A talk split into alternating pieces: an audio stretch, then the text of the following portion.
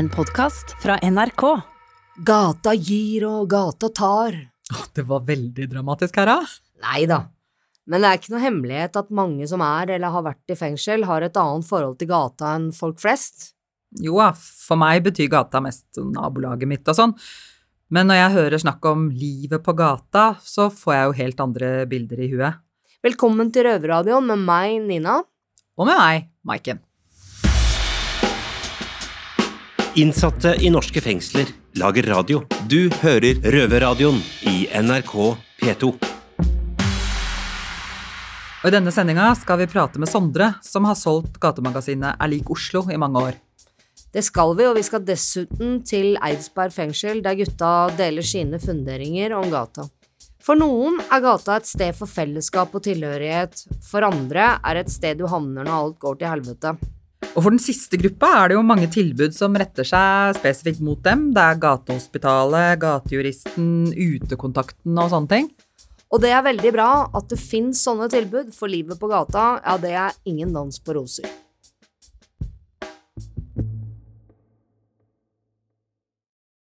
Jeg har riktignok kjøpt Jeg liker Oslo ganske mange ganger, hvis jeg kan få skryte av det, men der stopper liksom min gateerfaring, da, kan du si.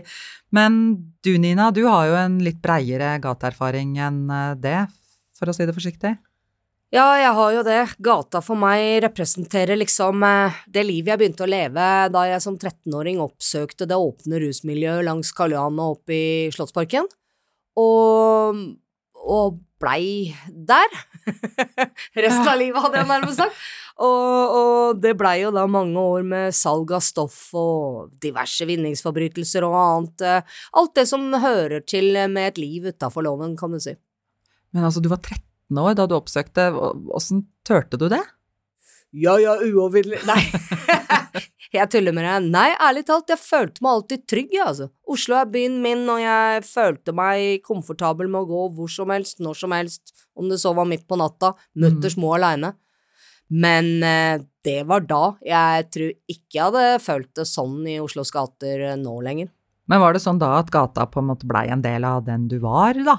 Helt klart, altså grunnen til at jeg blei så hekta på det miljøet og den livsstilen, var jo at jeg fra første øyeblikk har følt meg akseptert som akkurat den jeg var, og jeg følte en tilhørighet i det miljøet som jeg ikke hadde kjent noe annet sted.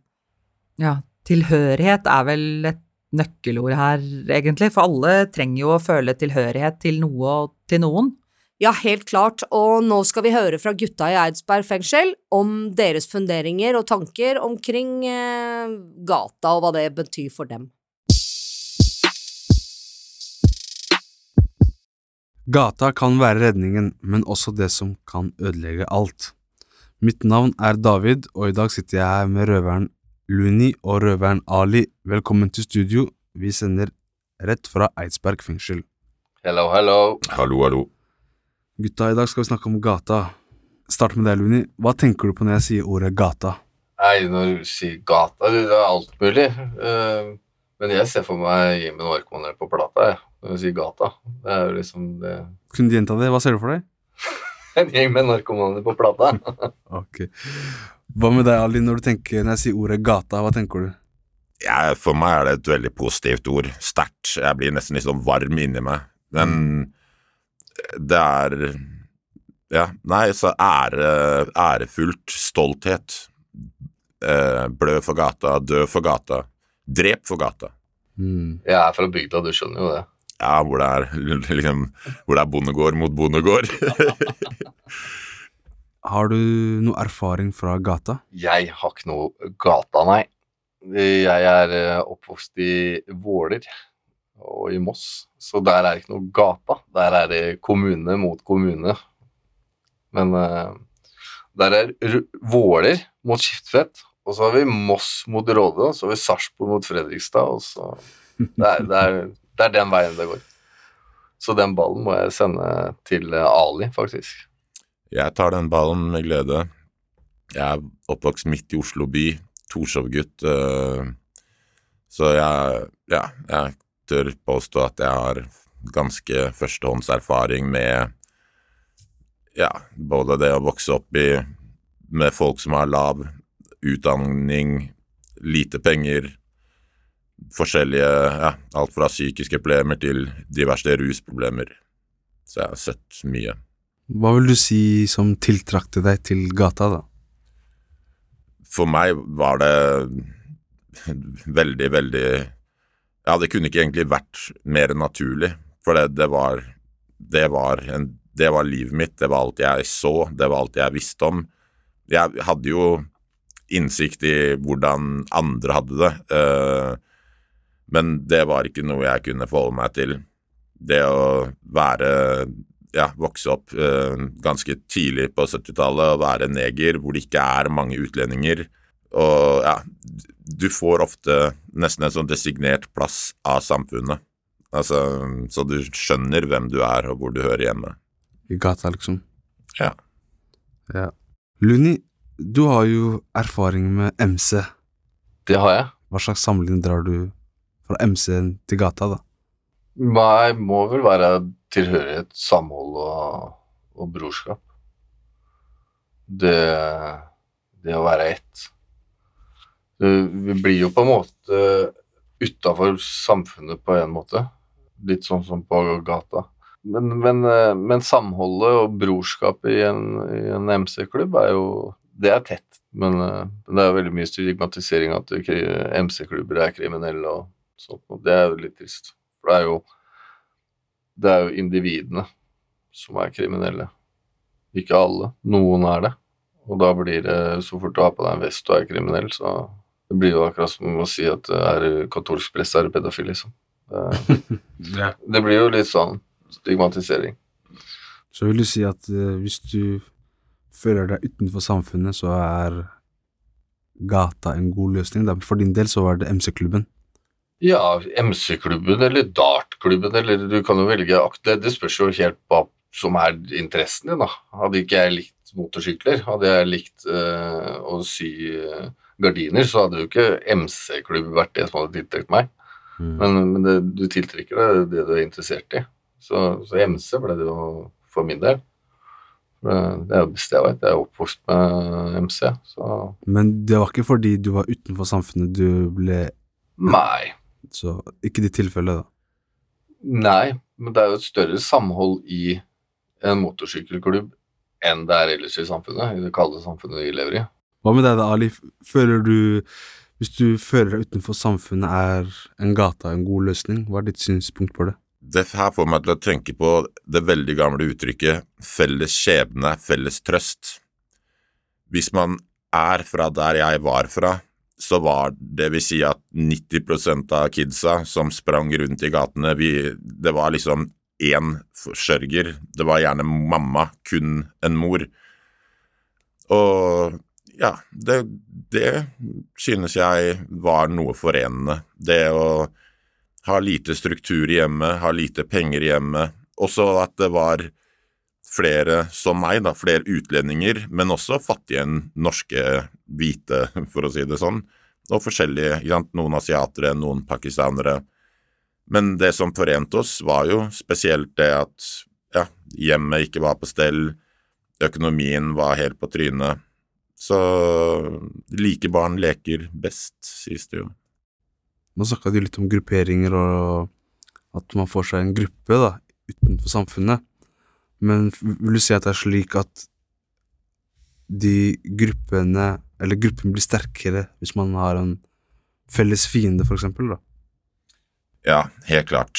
Ting kan være etablert, og man kan vokse opp i ting, men hvis det skjer noe, for eksempel sånn som en felles fiende, så omrokerer det hele hierarkiet og de uskrevne reglene.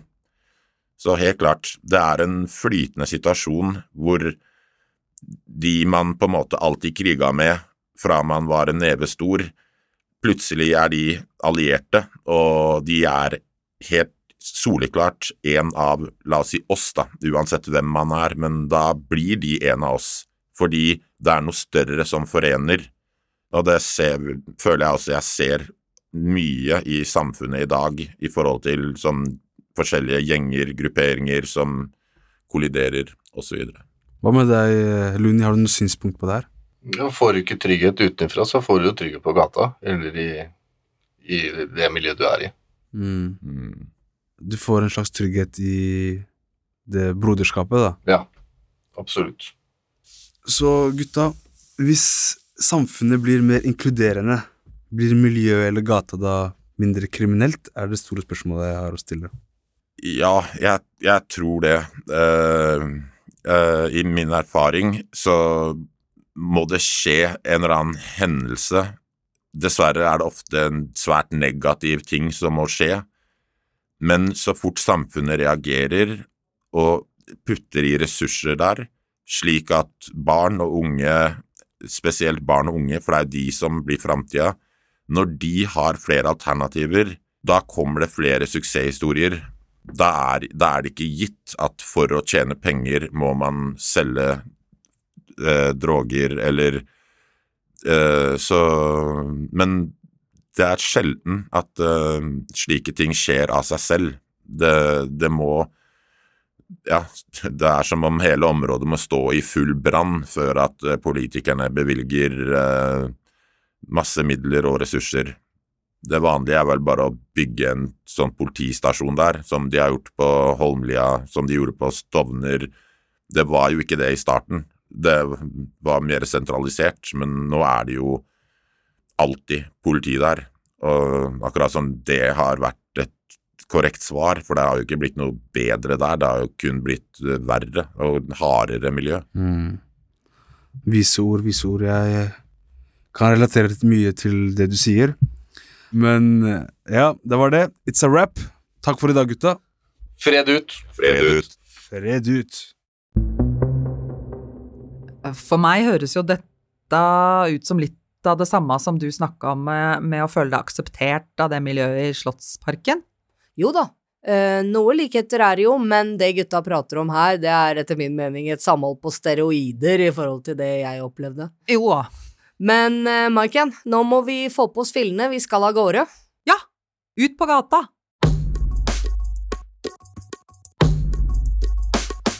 Ja, som den eh, årvåkne lytter kanskje hører her nå, så er vi ikke lenger i studio. Vi har nemlig tatt eh, turen ut på gata i dag. For å møte en av de som jobber der, nemlig Sondre, som er fast selger av eh, gatemagasinet Er lik Oslo. Og han, han er visst litt av en type, har jeg skjønt. Men uh, veit du Det har jeg kanskje aldri fortalt deg, Maiken, men jeg solgte faktisk Jeg liker Oslo sjøl en liten periode. Gjorde du det? Ja, så jeg veit jo litt om åssen det funker. Eller i alle fall, da. Åssen det funka den gangen. Ja. Jeg er helt blank. Det er jo en helt annen virkelighet enn jeg har vært borti, bortsett fra å, å gå og kjøpe magasinet. Så jeg lurer veldig på åssen det er. Ja, og du er nok ikke aleine om det. Det er en virkelighet de færreste veit noe om, eh, vil jeg tro. Men skal vi høre litt med Sondre, da? Jeg syns jeg ser den der borte, ja. Ja. ja. vi gjør det. Hei, Sondre. Hei! Du trenger ikke å stresse så fælt. Det går bra. Hei, ja. Ja. Så kult at vi får være med deg eh, litt Ja, her. Åssen funker det nå? For nå har du med deg Ja, nå har jeg med magasiner og greier. Ja. og så um, skal jeg stå på hjørnet her og selge. Til Ja. folk som kommer på Ja, ikke sant. Er det liksom sånn, For nå har du det området her, liksom? Ja, nå har jeg som fast på, pleier fast på sida. Ja. Så kult. Ja. Men skal vi, før vi går bort, så har vi lyst til å bare høre litt uh, med om åssen du egentlig starta Med å se selge her ja. Nei, det For du har holdt på eh, lenge, har du ikke det? Jo, jeg bodde jo på i Arendal i 17 år, på en barnevernsinstitusjon. Og så flytta jeg tilbake til eh, Oslo da jeg var eh, 23. Ja. Så begynte jeg å selge i Oslo i 2014 Nei, 2014 var det jeg flytta tilbake til Oslo. Ja.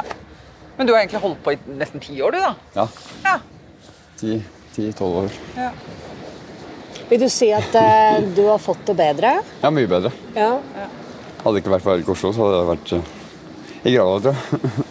ja, det gjelder mange av oss, tror jeg. Eller altså ikke bare med Er like Oslo, men hvis det ikke hadde skjedd noe endring i livet, så hadde vi vel vært daue hele bunten av oss. Ja.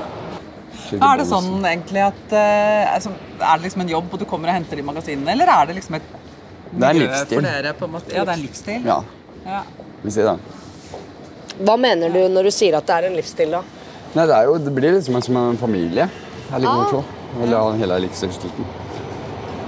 Så mange hyggelige ansatte og andre selgere. òg. Ja. Så det blir litt sånn både de som jobber der, og, og, og altså både de som er på kontoret og dere som er ute og selger, at dere blir en litt sånn Så dere passer Gjeng. på hverandre, og det går an å ringe til hverandre hvis man har en dårlig dag og Absolutt. hva det nå enn er. Ja. Det er jo helt fantastisk, da. Ja, Så fint. Hva, hva forbinder du med ordet gata? Gata? Ja. Nei Sosialt sted hvor mennesker møtes. Ja. Så for deg så er ikke begrepet noe negativt. Nei. Det er Det er heller positivt. Ja, ja. Ja. Har det forandra seg på en måte før og etter du begynte å selge Jeg liker Oslo? Er gata liksom noe annet for deg nå enn det det var før? Ja, Før var det vel mer tilknyttet bare kriminalitet og, og den slags. Ja. Men uh, jeg liker Oslo.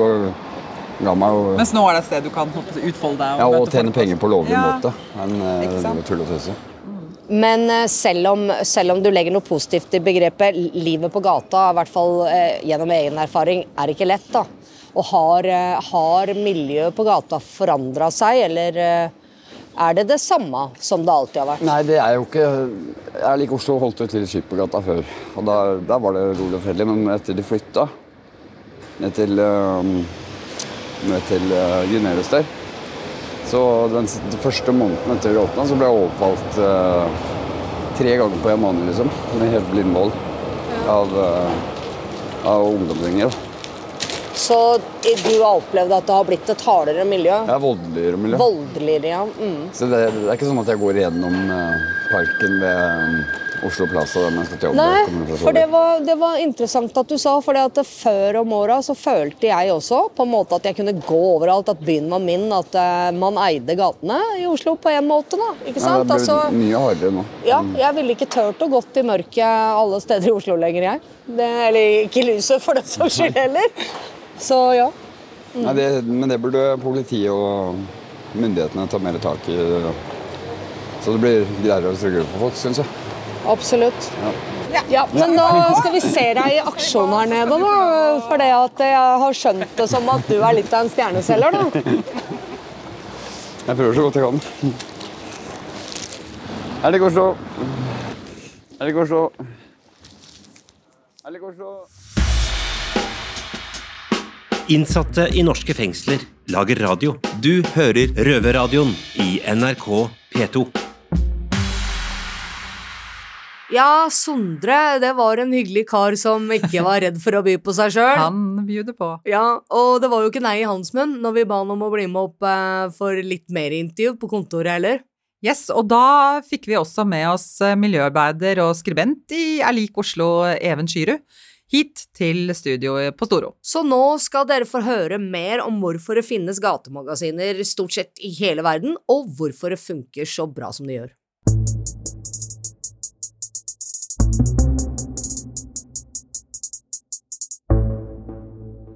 Ja, og studiet vårt ble faktisk for lite, det, så nå sitter vi her i møterommet. Velkommen hit.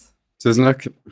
Jeg bare lurer på, hvis jeg eh, ville begynne å selge Er lik Oslo, og er det bare Finner man bare fram til kontoret, da, og, og møter opp og Nå kan man komme når som helst, Når som helst, ja. egentlig. Men du må, du må ha en registreringssamtale. Og hvis Ja. vi ikke har tid til det da, så må man gjøre en avtale. Men er det noen kriterier da på en sånn registreringssamtale? Hva er det som skal til for at du får lov å selge? Eh, du skal ikke um, drive og deale med um, noen ting, da. Nei. Eller narkotika og sånn når du jobber. Nei. Og du skal være oppegående på jobb. Uh, du kan jo Du kan ha hatt en dårlig dag, men du, men du skal ikke være overstadig berusa når du selger Alik Oslo. Det skal Nei. du ikke være. Nei. Men er noe, dere har ikke noe krav om at man skal være rusfri. Det er noe av greia. Man, det er et tilbud også for folk som er i rus. Det er jo liksom det er jo derfor vi selger, og også for å ikke gjøre kriminelle ting. Mm. Men åssen er det, må du ha penger for, det, for å kjøpe Men det som er så fint med Alik Oslo, er at du um, Det koster 50 kroner for et blad. Ja. Så hvis jeg er blakk en dag, da, så får du en 50-lapp og kjøpt et blad, så dobla jeg det til to blader, og så til fire blader, og så videre. ja. Ja, sånn at du, du må Du trenger liksom ikke ha den startkapitalen da får du krita det første, og så Jeg får får du opp, liksom. krita, Ja. men uh, de gangene jeg har hatt problemer, har det vært så snill at jeg har fått krita. Ja, og så um, Vi prøver jo å få folk ut på jobb, og så Ja. har vi også en ordning sånn at du kan krite to blader alltid, men du kan ikke når du har gjort det, så må du nesten betale tilbake før du kan gjøre det Igjen. igjen. Mm. For ellers så vil jo alle bare krite alle blader. Hver dag. Men eh, er det sånn at eh, folk klarer å holde seg unna kriminalitet, da, eller når de selger Erlik er lik Oslo? Det er jo vanskelig å si noe om.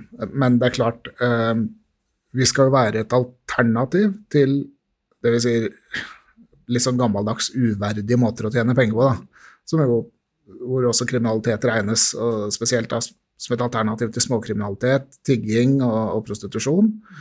eh, er jo de tre tingene som ofte nevnes at eh, gatemagasiner generelt over hele verden skal være et alternativ til.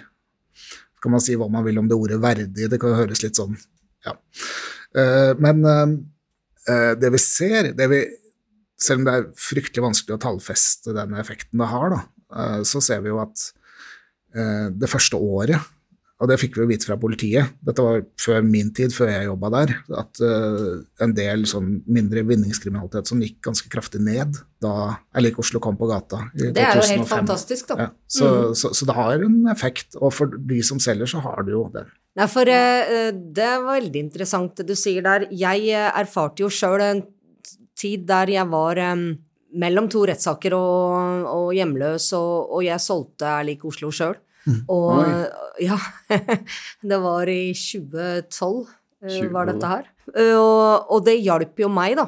eh, Til å, til å slippe å gjøre noe kriminelt akkurat i den perioden der, for da klarte jeg å brødfø meg, rett og slett, eh, på salg. Og det som var litt artig for meg, eller artig eh, Det som var, da, var jo at jeg hadde jo ikke et øre, og jeg gikk inn til dere, og jeg fikk krite noen aviser, ikke sant, og kunne komme tilbake og betale og kjøpe nye, og, og jeg hadde jo solgt mye stoff, da eh, i livet. Så for meg så blei jo det eh, at jeg for første gang kunne bruke den erfaringen jeg hadde fra et krimisliv, til noe stuereint og positivt, da. Som allikevel hjalp Ja, meg men det er, jo, det er jo samme greia. ikke sant? Å selge blader er jo det samme som å pushe stoff. Ikke sant, Ja. på en måte, Ja. så det er jo ikke ikke det er jo helt det lovlig, samme, men og eh, det er, du får en god følelse. absolutt. Er det sånn at de, de fleste som, som kommer inn til dere så det skal, det skal være et alternativ også til tigging og sånn, men er det mange som har erfaring med salg? Uh, nå er det jo mange forskjellige grupper som selger her like Oslo, Ja. men at uh, mange Jeg har snakka med mange som har solgt tidligere, spesielt uh, for en del år tilbake, som gjorde det som et alternativ til å smådealing Ja. på gata. Mm. Fordi de syntes det, de var lei av stress. Og, og mange innrømte jo det at det var ikke sikkert de tjente like mye på å selge magasiner, men de slapp liksom det derre det stresset. Slipper jo fengsel, da. Og- hvis og du blir tatt. fengsel, ikke Det er jo minst, veldig jo bra poeng, bare ja. det, syns jeg, da. uh, og eh, de ville, det er en vei ut da, for mange. Uh, og det, så det har jeg snakka med tidligere selgere, og det, det er jo hele poenget. Vi ønsker jo ikke, vi har ikke noe stort ønske om at masse folk skal selge her like Oslo. Helst vil vi at folk skal slippe, eller ikke trenge å selge i det hele tatt. Gatemagasiner. Uh, men hvis det kan hjelpe deg der og da, og det er derfor vi har registrert over 1800 selgere, men har bare kanskje 200 aktive, da. Fordi mange er jo faktisk da kommet seg videre. Mange er borte, og Ja, mange Men ja. Sånn det begynte for meg, da. Det var eh, Jeg satt liksom i en båt, og den båten satt fast. Mm. Og så tok jeg Så, så, så sa jeg til meg selv Drar ankeret inn og fyker, fra et tankespinn som ryker. Igjennom mitt hode seiler et skip, knekker en kode, ser tegnet er lik. Hei! Ja. Du er jo den poeten, jo. Jeg hører eh, at eh, i, i Er det ukas eller månedens utgave av, eh, av Hver lik, så har du nok et dikt? Ikke, ikke hver gang, men stort sett. Kult, for det bringer meg til et annet spørsmål. Det har selgere og folka på gata mye påvirkning på, på innholdet i gatemagasinet? Ja, på den du så på da hvor jeg var, på det diktet der, ja. så eh, kan leserne eller selgerne skrive. på de sidene, Ja, på de eh, sidene. som vi kaller postkassa. Se. Men eh, det er jo en liten del av det. Vi skulle ønske vi hadde mye mer selgerbidrag, og vi maser jo ofte på selgere om å levere Om det er dikt eller tekster eller eh, tegninger eller malerier eller hva som helst. Vi, både de som kjøper bladet og vi vil jo at de skal være representert. Litt tilbake til det derre verdighet-ting, og hva er det som er et verdig liv, som du sa, ikke sant, hva er det? Men det er mange måter å tjene penger på, Nemlig, for eksempel. ja. For eksempel, eh, jeg sier jo ofte til folk at i dag er det kjempetilbud på eh, Jeg liker Oslo, kjøp to, betal for tre. Ja. det er mange, mange kreative salgspitcher. Tenker at det er Men jeg lurer litt på den eh, når, når, du står ute som selger, ikke sant, du sier at du har ikke opplevd egentlig å bli stigmatisert eller noe sånt nå, men Jo, det har jeg. Det har du, ok, Eh, ja. men, men eh, da har jeg eh, sagt eh, eh, Hva jobber du med? Og så sier hun det og det. Og så sier hun Jeg tror jeg tjener mer enn deg, altså. Hva, hva, er det folk, hva er det du opplever at folk kan si? Eh, Jeg kan si sånn som sist gang jeg ble stigmatisert, jeg så sa jeg har du lyst til å kjøpe Like Oslo? Og så sa hun aldri spør meg om det igjen! Og så bare gikk jeg forbi. Men jeg lurer på, ikke sant, som, som mer en sånn typisk uh, er lik Oslo-kjøper. Eh, ikke sant, så, så har jeg kanskje kjøpt et blad, og så kan jeg, altså, når man går rundt i Oslo sentrum, så møter man jo mange selgere, og så kan jeg ikke kjøpe blader av alle, liksom. Men jeg har jo prøver liksom så godt jeg kan på en måte si nei takk, da. Er det, er det bedre å få et nei takk og, og, bli, og øyekontakt, eller er det like greit at folk går forbi, bare Ja. de ikke er kjipe, eller åssen er det, Ja, liksom? hvis jeg sier nei takk og sånn, så sier jeg at uh, det er helt i orden, og du får en strålende dag videre, og sånn, og da kommer ofte folk tilbake igjen, siden jeg er så høflig og Siden du er høflig, ja. og Ja. kjøper. Ja. Det er vel verre hvis folk ikke titte på en. Det syns jeg i hvert fall når jeg sto der, og visse bare går og titter i bakken eller går forbi, later som du ikke eksisterer. Ja, altså at du er føler deg usynlig. Det er en vond følelse. Mm. Ja, eh, det finnes jo da tydeligvis gatemagasiner overalt, eh, både i dette landet og på internasjonalt, eh, og tydeligvis så gjør man jo da noe rett. Det er noe som funker. Hva er det som gjør at det funker, tror du? Fordi det er en genial, en, genialt enkel forretningsidé. Da. Altså, det går jo kan gjøre det enklere. Det er så lavterskel som det kan bli. Det er, du kan jobbe når du vil, så mye du vil. eh, sånn at det passer for folk i alle mulige liv, livssituasjoner, med alle mulige utfordringer. Og så er det alt du trenger å gjøre, er å ha no, nok til ett blad, og så er du i gang. Eh, Ja. Ikke sant? Og da um, så, så, så, så det er den forretningsideen der, at du kjøper et blad for en pris og selger det for den dobbelte. Det er stort sett det samme i alle land.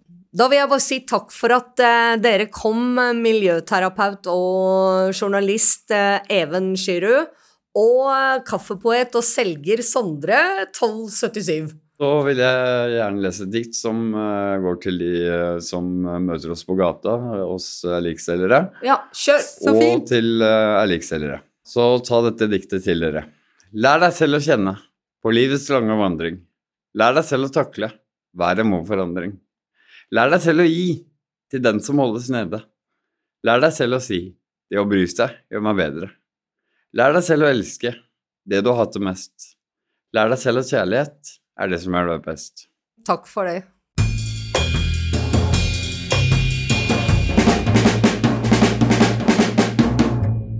Ja, og på tal om å gi, eh, så har jeg årets julegavetips, folkens. Kjøp julenummeret av Erlik Oslo.